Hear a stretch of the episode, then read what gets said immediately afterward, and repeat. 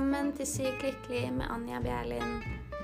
Jeg er Anja, og i denne podkasten vil jeg ta dere med på min reise mot mer lykke. Denne reisen vi kaller livet, og alle dens oppturer og nedturer. Hvordan vi kan ha det best mulig med oss selv og dermed de rundt oss. Håper dere vil være med meg, og at vi sammen kan være sykt lykkelige. Hei, alle sammen. Hvordan går det? Jeg håper dere har det bra.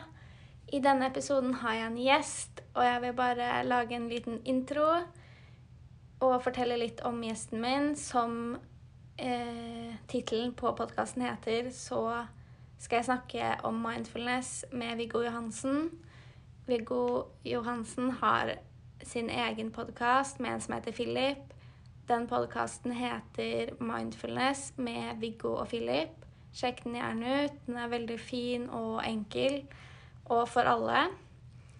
Hvis dere vil vite enda mer om Viggo, så har han en nettside som heter Mindful Living. Han driver med kurs og jobber med mindfulness. Så ja, vi skal snakke om mindfulness, som dere sikkert har skjønt. Jeg hørte gjennom episoden, og jeg syns vi hadde en veldig fin samtale. Jeg lærte i hvert fall noe nytt, så håper jeg at dere også lærer noe og får noe ut av denne samtalen. Så la oss bare høre på samtalen til meg og Viggo. Hei, Viggo. Hallo, Anja. Så koselig at du ville være med i podkasten min. Ja, klart det. Mm. Jeg har hørt litt på din podkast som du har med Philip Ja. om mindfulness, og det var jo på den måten jeg fant deg, da. Og derfor jeg hadde lyst til å snakke med deg om mindfulness. ja. Så jeg tenker at du kanskje kan fortelle litt om deg selv og din reise med mindfulness, da. Klart det. Den er eh, Altså, jeg er nå blitt eh, 49, Mm. så dette starta for eh, Ja, jeg er vel 20 år gammel, og så reiste Skulle reise jorda rundt sammen med to venner. Og så kom vi til eh, Og vi skulle egentlig vi skulle bare ut på en tur og egentlig bare oppdage verden og ha det gøy. Og så kom vi til eh, India og til en liten by i Nord-India som heter Dharamsala. Og der bor eh, Dalai Lama. Og han holdt tilfeldigvis en forelesningsrekke når vi kom dit, så vi satte oss ned og hørte på dette. Og det han snakket om, var jo altså buddhismens psykologi og filosofi, hvor jo mindfulness har sitt opphav. Og det, det traff meg så sterkt at jeg seks måneder senere så ble jeg buddhistmunk og flytta til India. Og ble boende der i fire år som munk. Og, og en stor del av den tilværelsen, det var jo det som kalles meditasjon. Mm. Mindfulness-meditasjon. Så, så hadde jeg lange perioder hvor jeg satt altså for meg sjøl oppe i Himalaya og, og eksperimenterte egentlig med disse verktøyene som eh, jo var helt nye for meg. Og det har jo endra livet mitt fullstendig. det er, eh, jeg er utrolig takknemlig for i dag. At jeg, både at jeg fant motet til å faktisk bare kaste meg ut i det. Og så har jeg fortsatt selvfølgelig etter det, da. Altså jeg slutta å være munk, men jeg slutta jo ikke å bruke disse verktøyene. Så jeg har holdt på med mindfulness nå i snart 27 år. Og, og det er på en måte den sentrale delen av altså yrkesutøvelsen min, men er også veldig viktig i mitt uh, eget private liv. Så det er, uh, det er, noe jeg bruker mye tid på. Mm. Ja, det er jo et veldig stort steg å bli munk. Og det er, vel, det er jo en veldig stor kontrast fra hvordan vi lever til vanlig nå, da. Ja. Eller åssen du lever nå også, og hvordan du sikkert levde før. Ja, det er helt sikkert. Ja. Hvordan på en måte var den tiden? Og hvordan valgte du å gå bort fra det igjen? Eller hvorfor? Altså det, er, For det første, sant, det som er uh, Det er jo et helt annet menneskesyn. Det tror jeg er en sånn veldig grunnleggende viktig forskjell som uh, Hvis man skal forstå liksom det livet, så er det Mm. uh, Altså hva et menneske er, og ikke minst hva er menneskets dypeste potensial. Og for uh, det de sier i buddhismen, det er jo at uh, altså alle mennesker har sitt dypeste potensial. Det er jo til å våkne opp. Det er det ordet Buddha betyr. Det betyr bare våken. Så det var en fyr som våknet opp til sitt dypeste potensial. Så, og det finner du ved å Da må du gå inn i deg selv og finne ut hva er det egentlig å være et menneske? Og det er der dette verktøyet kommer inn med meditasjon. Altså hvis du skal komme så dypt inn i deg selv, så er sinnet ditt nødt til å falle til ro. Altså det gir ikke noe mening i den moderne verden, for at der er det sånn Vi ser jo livet også i et mye kortere perspektiv. ikke sant? Så det som gir mening for oss, det er jo å alt som har med det sosiale å gjøre, og samfunnet å gjøre, og fellesskap å gjøre. Og egentlig altså sånn i et kort tidsperspektiv. Så,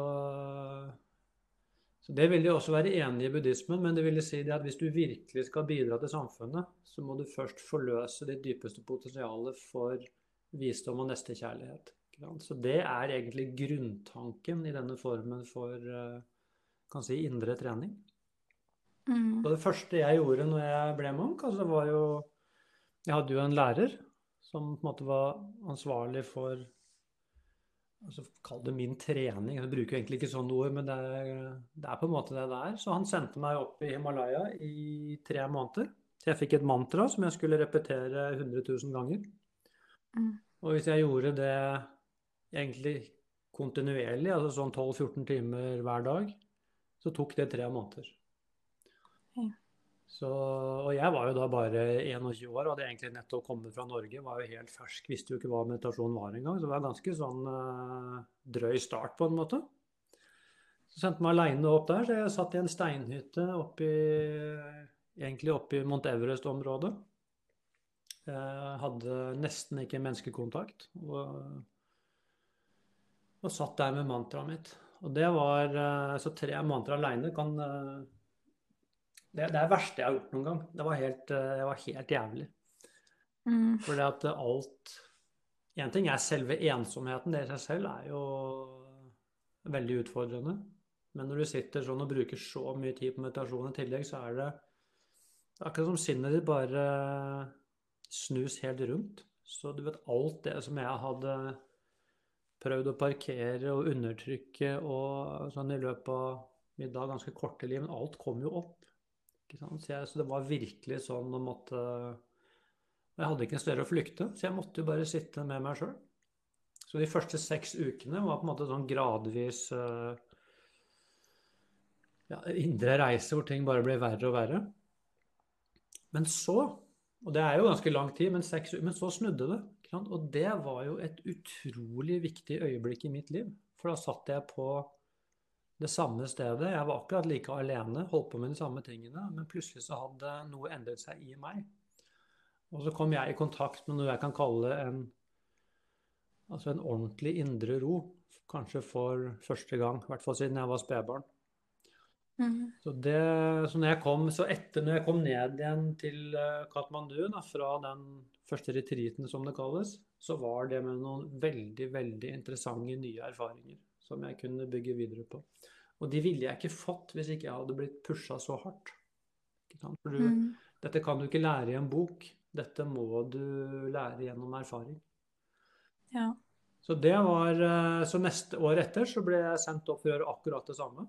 Og da satt jeg bare Det var helt, det var helt fantastisk. Så jeg gjorde akkurat det samme. Første året var helt jævlig, andre året var det helt fantastisk. Så det var veldig viktige veldig viktige erfaringer uh, som munk. Ellers så jobbet jeg sånn resten av året stort sett på forskjellige meditasjonssentre. Hvor jeg underviste litt og snakka med folk og uh, hadde egentlig en veldig sosial rolle. Så hadde jeg på en måte min meditasjonspraksis ved siden av. Så det var uh, Så resten av året så var det et ganske aktivt liv. Det var mye undervisning. Mm. Og så var det litt jobbing, og så var det meditasjon. Så sånn var på en måte dette, dette munkelivet. Mm. Eh, grunnen til at jeg forlot den, var eh, du vet, altså, Det var jo aldri viktig for meg å være buddhist eller å tilhøre en tradisjon. Det var nesten motsatt. Jeg var veldig skeptisk til egentlig alle organiserte sånne trosretninger. Og var jo egentlig Altså Helt fram til jeg ble buddhistmunk, så ville jeg nesten ha beskrevet meg selv som antireligiøs. Jeg syns det var noe Skjønte ingenting av det. Jeg syns bare det var pølsevev, egentlig. Og så ikke at det var, eh, kom så mye godt ut av det heller. Og så oppdaget jeg jo at i buddhismen så var det jo også mye av de samme tingene. Altså det er eh, masse kultur, masse tro, masse overtro. Og, og jeg kjente på en måte på et tidspunkt at jeg, jeg kan ikke være en del av det. Så, så jeg kjente bare det var riktig for meg å, å dra tilbake til Norge, men prøve å ta med meg det jeg opplevde som uh, universelt. Og det som har med altså bare evige sannheter om menneskenaturen å gjøre. Og så prøve å la resten ligge. Ikke sant? Så, så det er vel i grunnen det som har vært prosjektet mitt siden den gang. Mm. Så det er jo ikke alle som kanskje har mulighet til å bli munk, eller som eh, vil, vil det, da. Hva ville du sagt, liksom, måter man kan bringe dette her mer inn i livet sitt for å ha mer mindfulness i sitt daglige liv, da. Og kanskje komme litt nærmere seg selv på de måtene du gjorde men ikke gjøre så ekstreme ting, da, eller ja, måtte bruke så mye Eller liksom dedikere hele livet sitt mm. til det. Altså, det har jo skjedd Det veldig interessante som har skjedd siden jeg ble Munch, er jo at altså det, mindfulness har kommet til Vesten altså i en uh, vitenskapelig innpakning. Så det, når jeg begynte med dette, så var det jo ingen som visste hva dette var for noe. Mens i dag, altså gjennom uh, ja, gjennom forskning, altså forskning på mindfulness og meditasjon, så har dette kommet inn i vestlig psykologi og innen medisin og innen ja, helsevesen, og det er jo kommet inn i organisasjonslivet.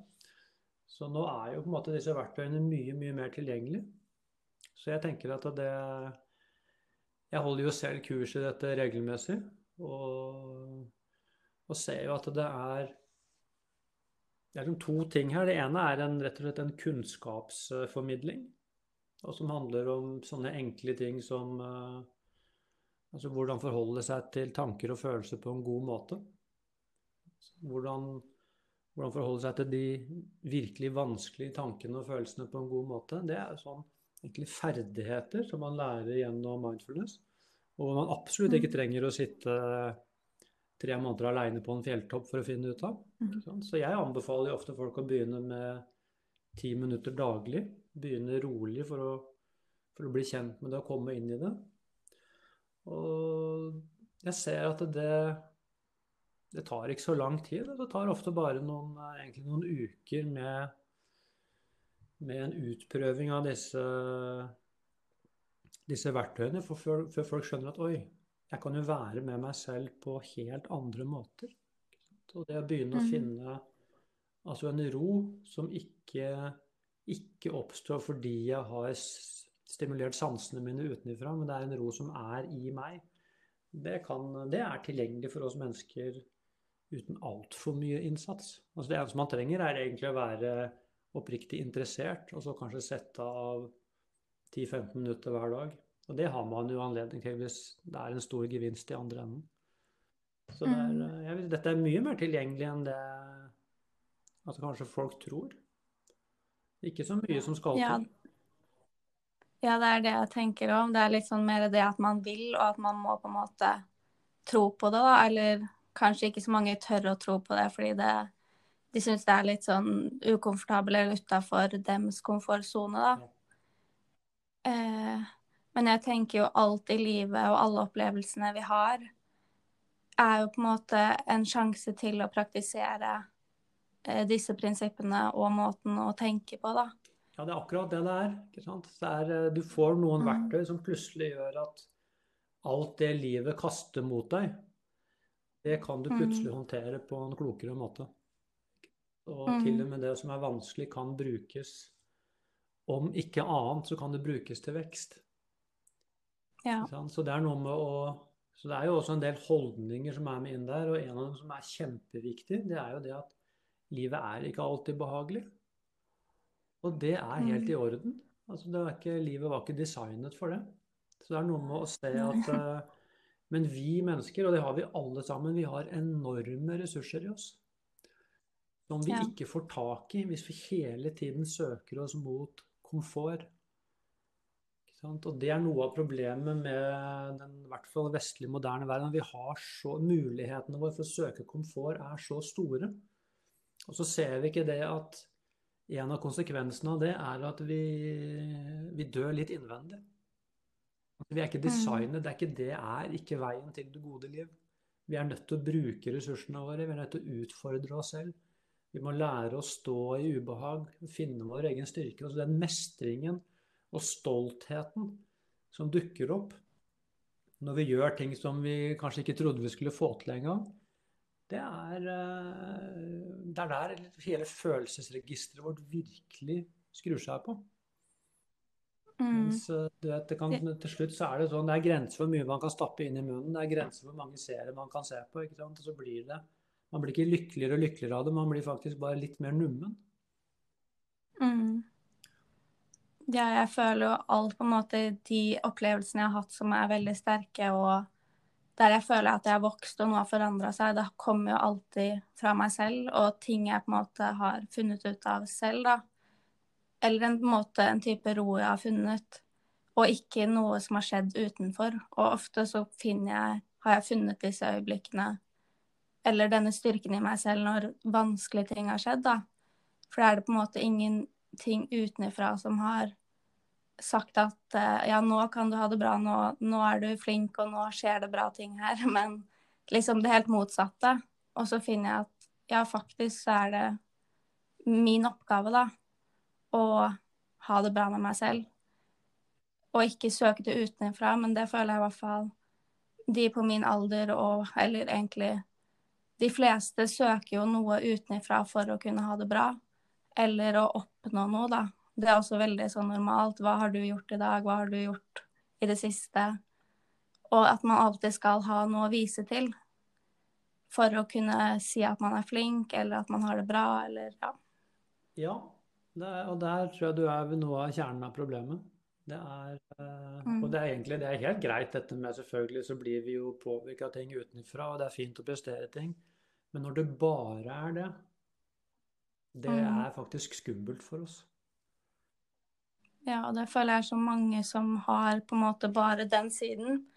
At de kanskje, men en eller annen gang så vil det komme til det punktet at det må være noe mer enn bare det, da. Bare pengene eller bare suksess eller hvordan man skal se på det, så må det ligge noe dypere der også. Eller man må finne det i seg selv, da. Ja, det er det som ofte kommer sånn eh, Altså en midtlivskrise, som det ofte kalles. Så er det jo ofte det som skjer. Man har levd såpass lenge at man har oppdaget at det er noe som mangler. Det er noe med måten jeg Mm. lever på som ikke fyller meg helt opp. Og så er det jo da, så vendes ofte blikket innover. Så kommer det en ny type refleksjon inn i livet. Men jeg tenker det er ikke noe vits å vente til man eh, får en midtlivskrise. Altså jeg opplever jo selv at når jeg snakker til et ungt publikum i dag, så er det, så er det en veldig lydhørhet og interesse. Så jeg tror det at eh, Mm. Vet ikke hvor gammel er du, Anja? Eh, Jeg er 25. Ja, det er jo, det er jo din generasjon som på en måte som må ta ansvar for å snu, snu verden i en annen retning. For at det er sånn som vi holder på nå, det er ikke bærekraftig. Jeg tror min Mm. generasjon, hvis ikke ut som vi, er ikke i stand til å gjøre det.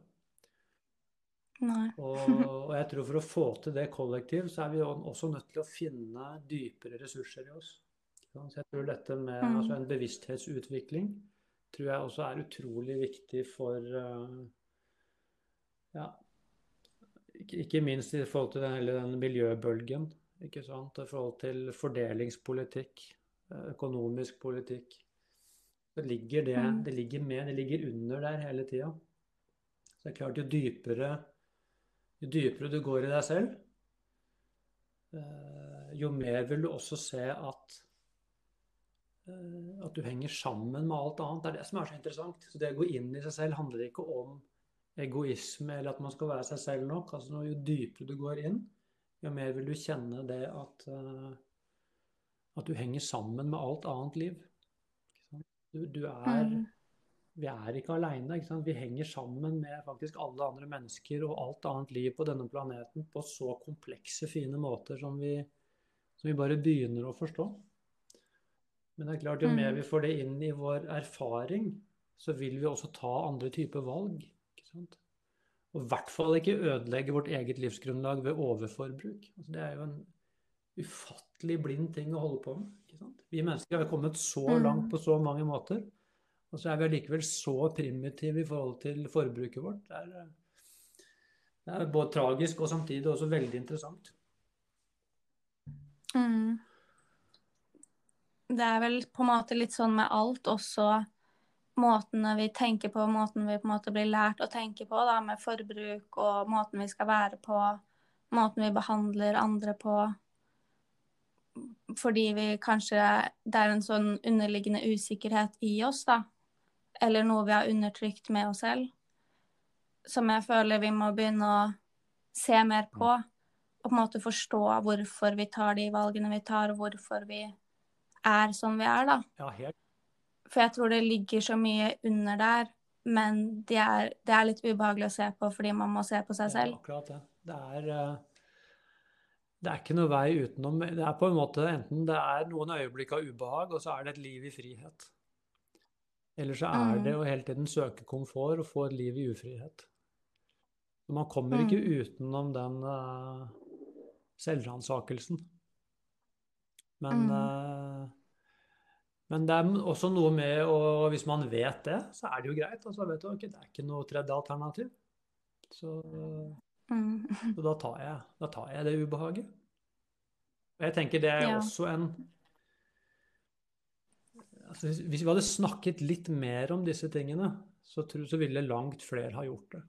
Så den, eh, alt det du snakker om her, drives jo også fremover av uvitenhet og ubevissthet. Og det er jo så Mm. sterke krefter i samfunnet også som egentlig hele tiden overbeviser oss om at vi er ikke bra nok som vi er. Og at vi trenger Mm. det og det og det for å utmerke oss. For å være frie. For å, så, så er det klart hele altså Frihet er jo på mange måter blitt en forbruksvare. Og samme med, samme med glede, og samme med eh, altså selvrealisering. Akkurat som man kan kjøpe seg til alle disse tingene. Og det, og det ligger jo der som et grunnlag. I det øyeblikket vi mennesker slutta å tro på det, så ville jo hele det økonomiske systemet som vi lever under, ville faktisk kollapse. For da ville vi slutte mm. å Mm. kjøpe i hvert fall alle de tingene som ikke vi trenger.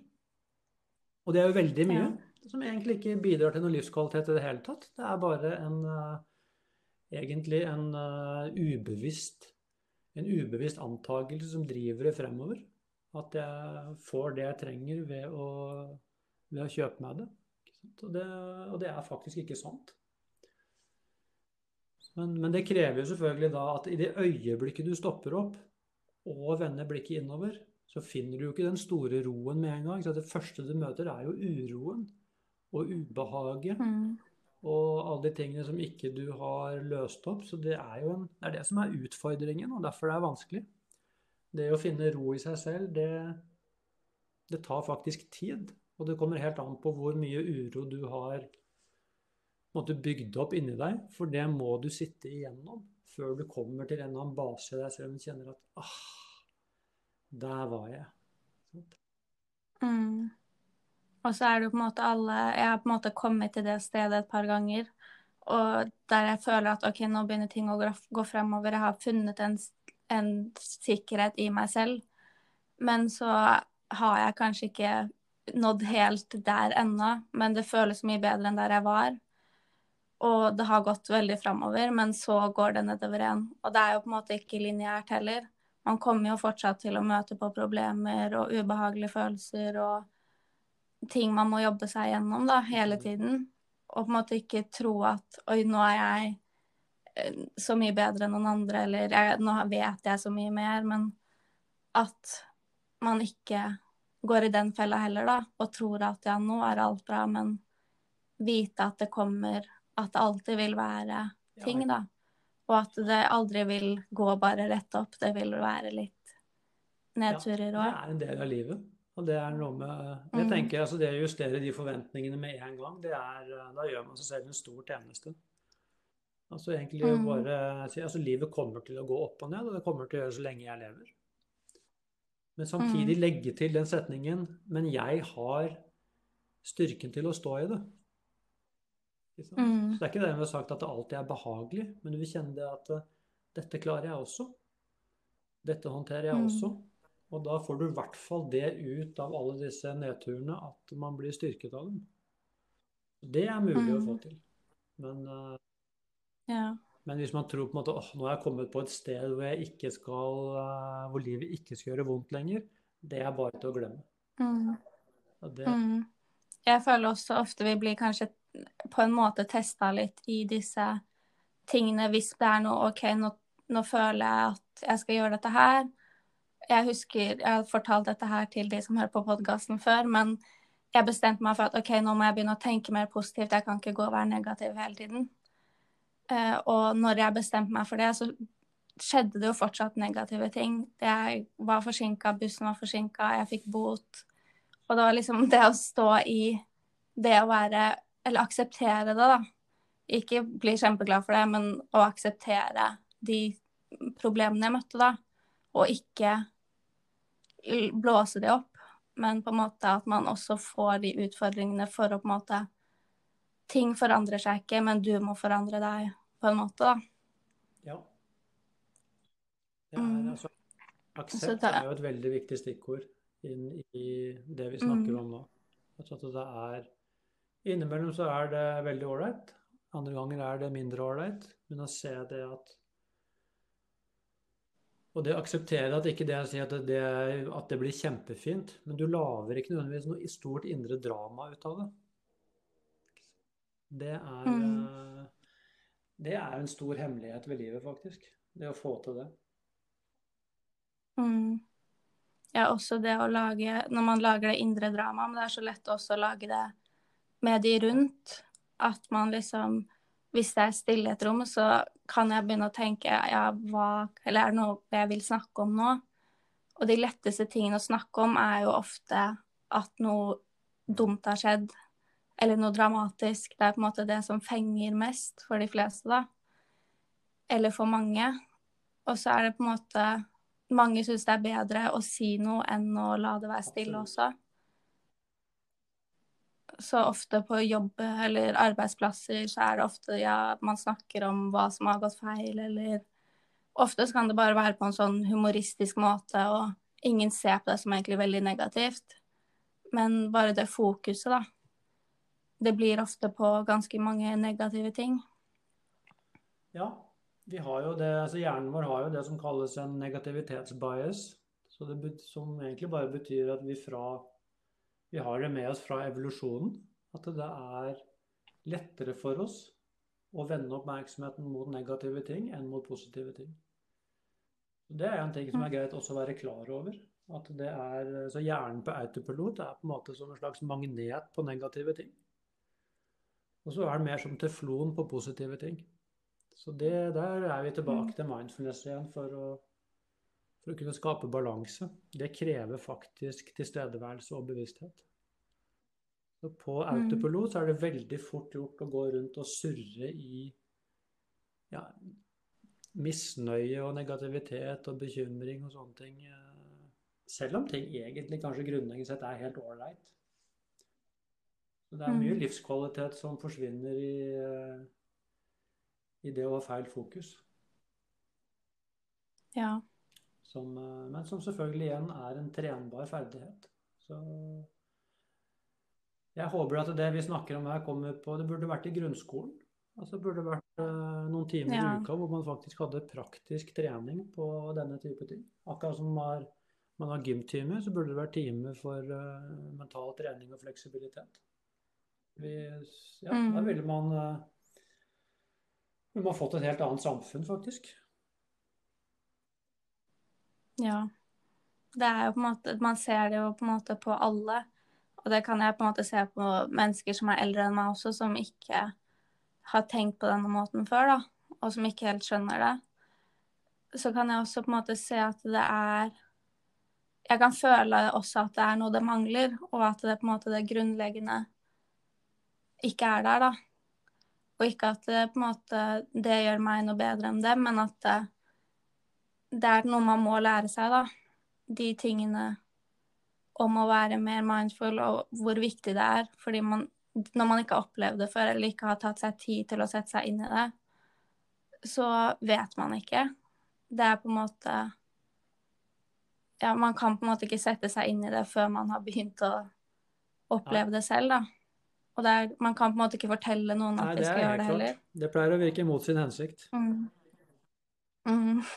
Nei, det er derfor jeg tror det er der forskningen kommer inn, som egentlig har vært kanskje det viktigste som har skjedd innenfor dette feltet de siste 20 åra.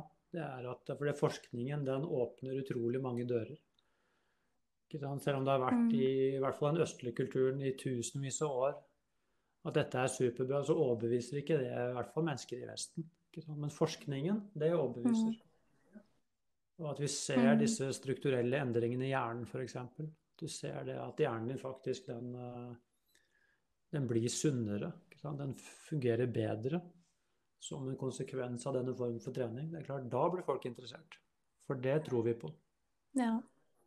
Mm. Ja, så hva tenker du hvis man opplever noe vanskelig, hvordan skal man Eller hva kan hjelpe å gjøre da? Hvis det er noe veldig vondt som skjer, eller man har det vanskelig en periode. Hvis man skal bringe litt mer mindfulness inn i livet sitt da, hva vil du si at man kan Altså, det vil jo alltid Gjøre. være altså individuelt i forhold til akkurat hva som skjer, og selvfølgelig også hva slags type personlighet. Men hvis vi kan si noe på generelt grunnlag, så er det jo det å eh, Nummer én, altså ikke stikke av. Ikke? Om noe er vanskelig, så prøver vi ofte å stikke av inn i Vi prøver å dytte det under teppet, eller vi prøver å distrahere oss, eller vi prøver å numme det. Ikke sant? Det kan være med alt fra, alt fra mat til alkohol til narkotika, som er typiske, Mm. veldig vanlige måter å flykte fra sine egne problemer på. Det kan være altså bare flykte inn og være kjempeaktiv, eller hele tiden være på nettet.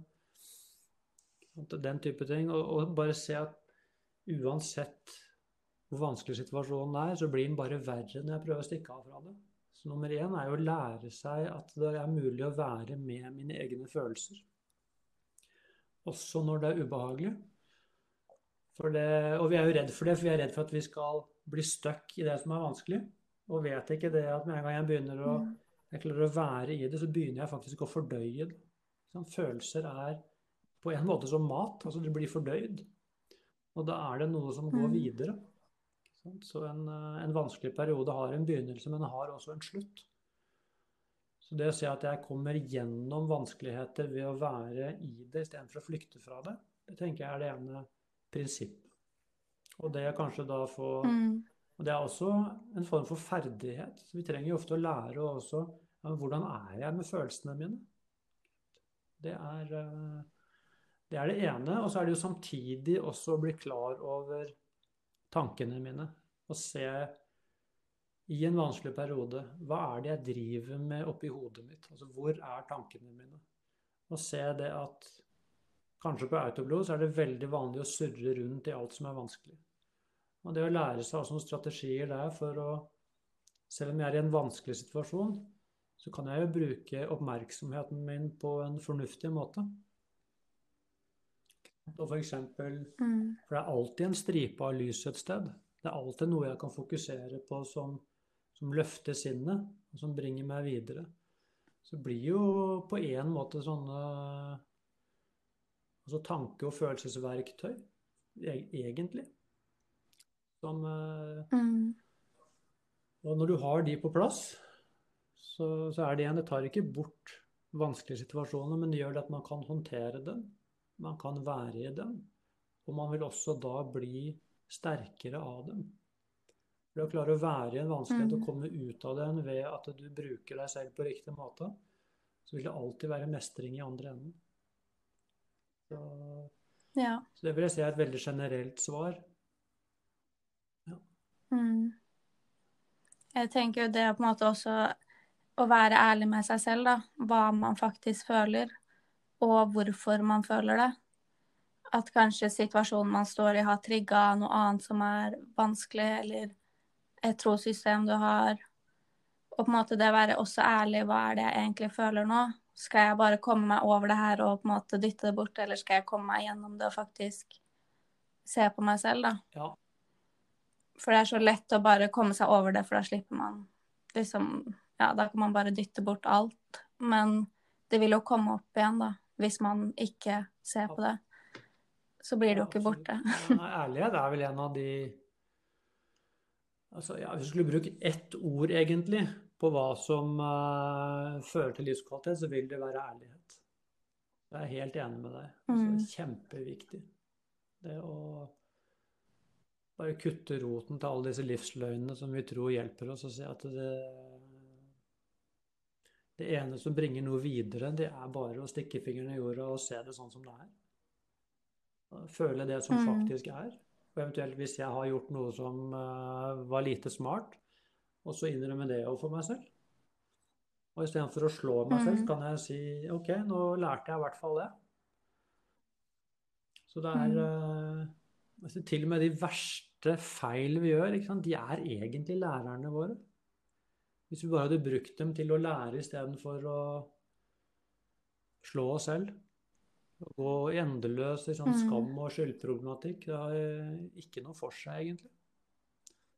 Det sånn uh... Nei. Jeg har heller hørt eh, forskjellen på liksom skam og skyld. At det er greit å på en måte ta på seg skylden for noe og stå for det man har gjort, men det med skam, det fører jo ingen steder. Det blir jo bare mer negativitet, da.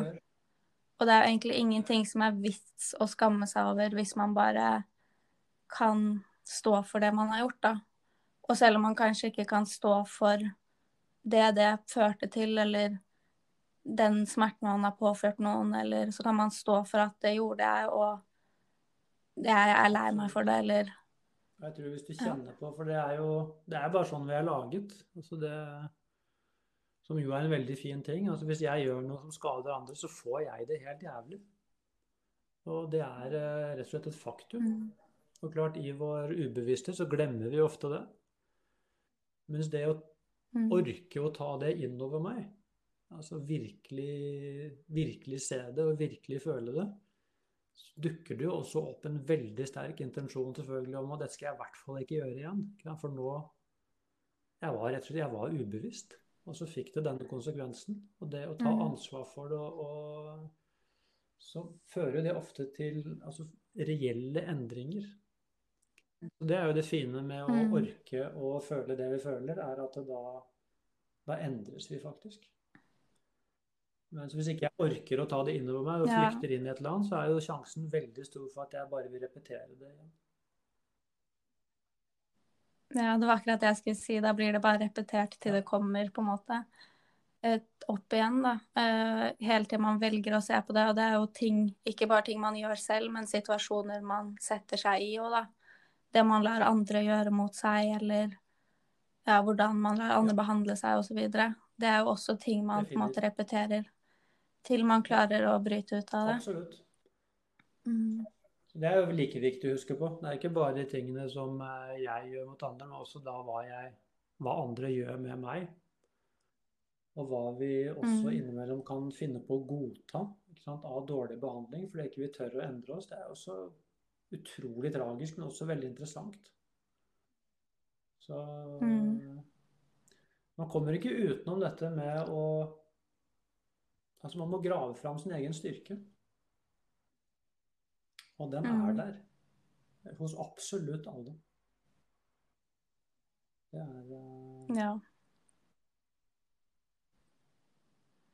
Det er veldig sånn, som du sier, veldig interessant da, at vi på en måte har all den styrken, og vi vet egentlig så mye, men vi tar så mange forskjellige valg som kanskje ikke er bra for oss eller for andre.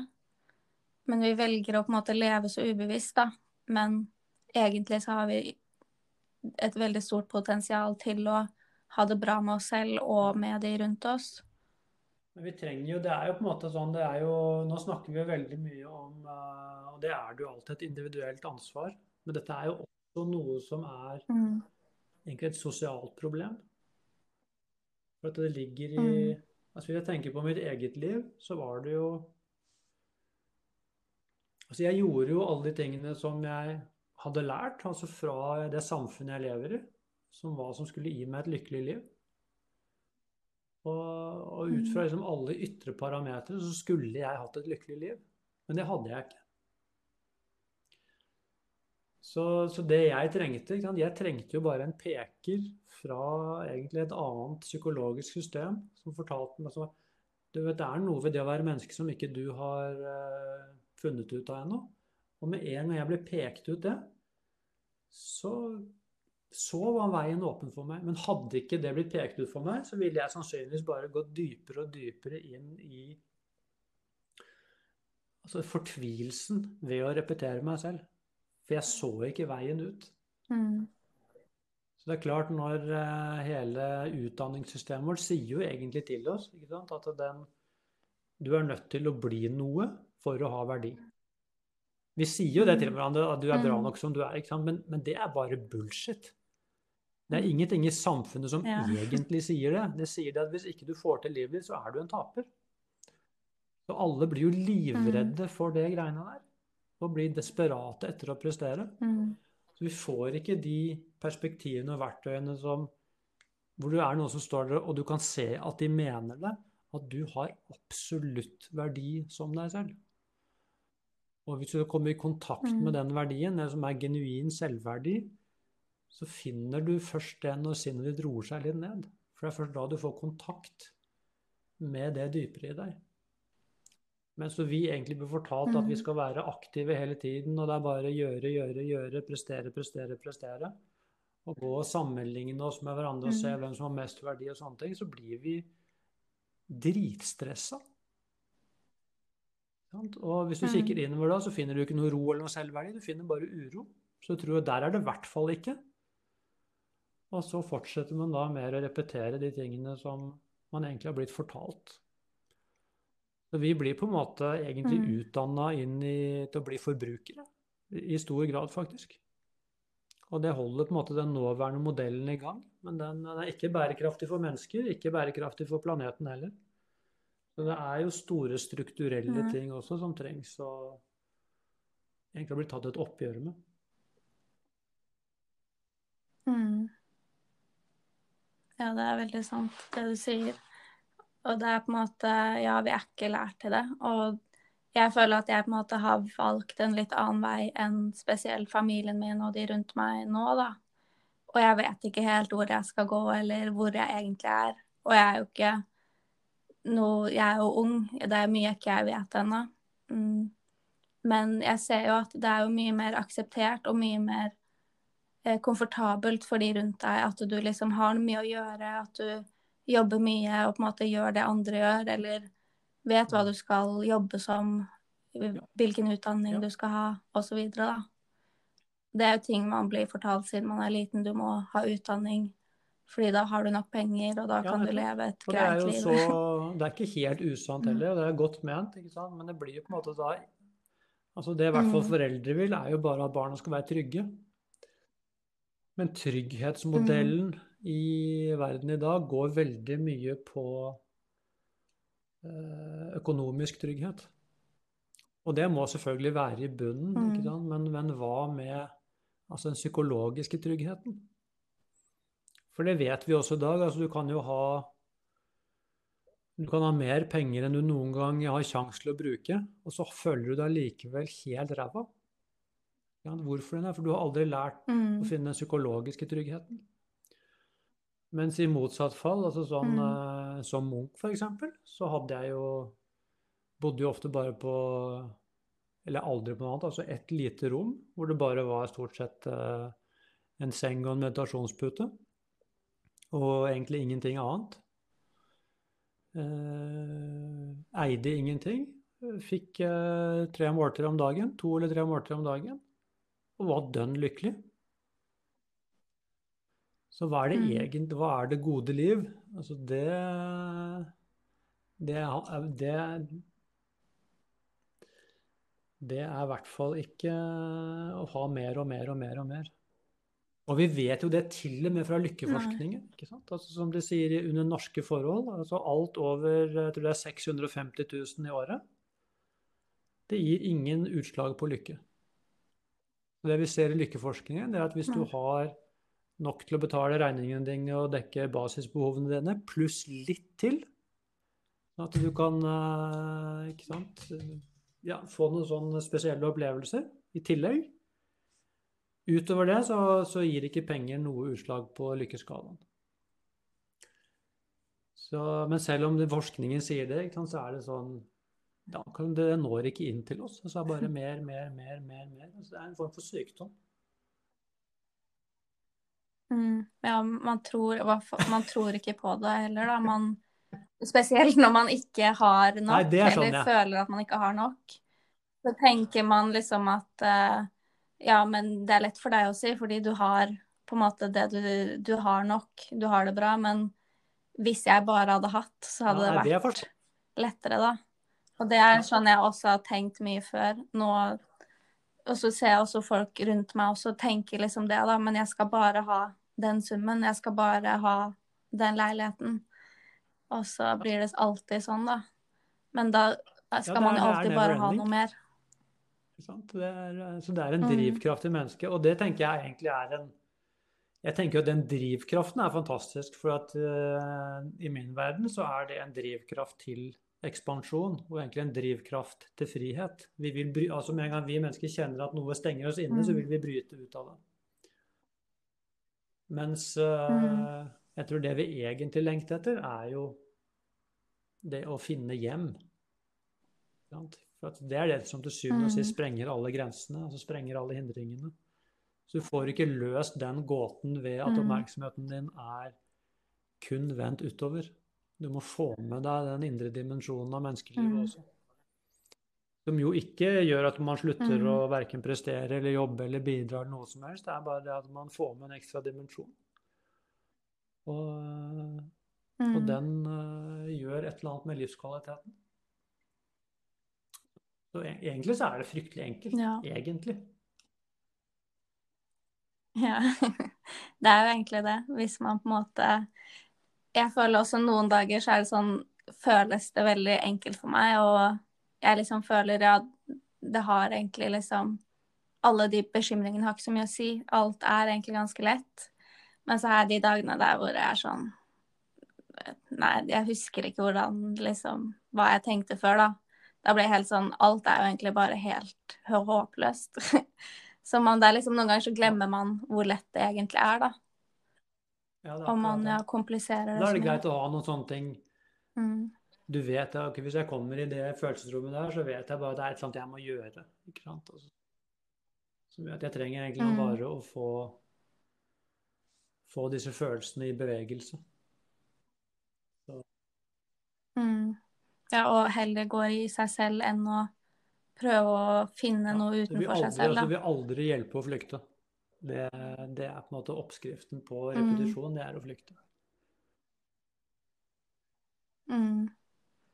Ja, og den bekreftelsen man kan få av noe utenfra, at man søker ja. det hos noen andre, eller ja, når man ja, ser på og spiser det. Det hjelper der og da, men det gjør ikke noe med problemet. Så det er uh... mm. Ja, just, det er bare sånn det er. Mm. Men helt til slutt så vil jeg spørre om du har noen spesielle måte, lærere eller bøker som har inspirert deg? Altså jeg har uh, Også Gjennom uh, alle disse årene så har jeg jo hatt mange lærere. Men uh, altså mm. min hovedmentor, som, som også var en av grunnene til at jeg slutta som buddhistmunk, det er uh, Vigdis Garbarek. Og hennes bok mm. 'Veien', den vil jeg anbefale for absolutt alle. Det er mm. uh, en utrolig klok bok som er skrevet på norsk. Og det er noe med det å få mm. disse tingene på ditt eget språk. For det er noe med ordene altså for disse mm. ordene er, de er ikke ment å treffe hodet, de er ment å treffe hjertet. Så der er det noe med å ha en presisjon i ordvalgene. Så det er eh, Det er en bok hvor du blir myk i hjertet av å lese. Mm. Ja, den skal jeg sjekke ut. Det er jo veldig lett, heller ikke så lett å finne ting på norsk som Nei, det er ikke, forklarer de ikke lett. tingene Altså. Det er mangelvare. her. Men det er en av disse perlene Mm. som bare er der. Så den, eh, ja, den tror jeg du vil ha stor glede av. Mm, den skal jeg sjekke ut. Og så er jo podkasten deres også veldig fin. Jeg syns den var veldig sånn lett og på en måte informativ, da. Og på en måte veldig sånn allmenn Sånn ja, for det er det vi forsøker på. Det er på en måte å snakke om Mm. disse tingene på en måte som kan Mm. eh, kanskje treffe noen av de som ikke allerede er inni det. Og prøve å ja, Mm. holde det på et veldig enkelt og egentlig ganske praktisk nivå. Mm, og så syns jeg også det er veldig fint at menn snakker om sånne her ting. Da, for jeg, i hvert fall jeg personlig, er ikke så veldig vant til det eh, hjemme hos meg, f.eks. eh, så det er jo litt det også å kunne kanskje ha noen mannlige forbilder for yngre gutter òg, da. Det er veldig viktig. Det hender er fortsatt jeg hører det når jeg snakker om disse tingene, at Mm. eh, det er menn som sier at ja, uh, ja, dette hadde jo egentlig vært et kurs for kona mi. Ja. Så, så det sier mye om Mm. kulturen vår. At vi ser på, vi skjønner ikke det at vi har Mm, akkurat det samme sinnet. Altså, vi har det samme følelseslivet. Og vi, mm, enten man er mann eller kvinne, så må man faktisk eh, Vi trenger, vi trenger noe verktøy til å kunne både forstå dem og håndtere sant? Så det, ja, dette, Mm. dette, dette handler ikke om mann eller kvinne. Dette handler om å være menneske. mm. Ja, det er jo også en helt annen samtale, det Ja. med gutter, om at hvordan de er opplært. helt utrolig. Og det er jo, ja Det er egentlig så utrolig mange forskjellige ting å snakke om da, innenfor dette temaet, og innenfor mental helse generelt, egentlig. Mm.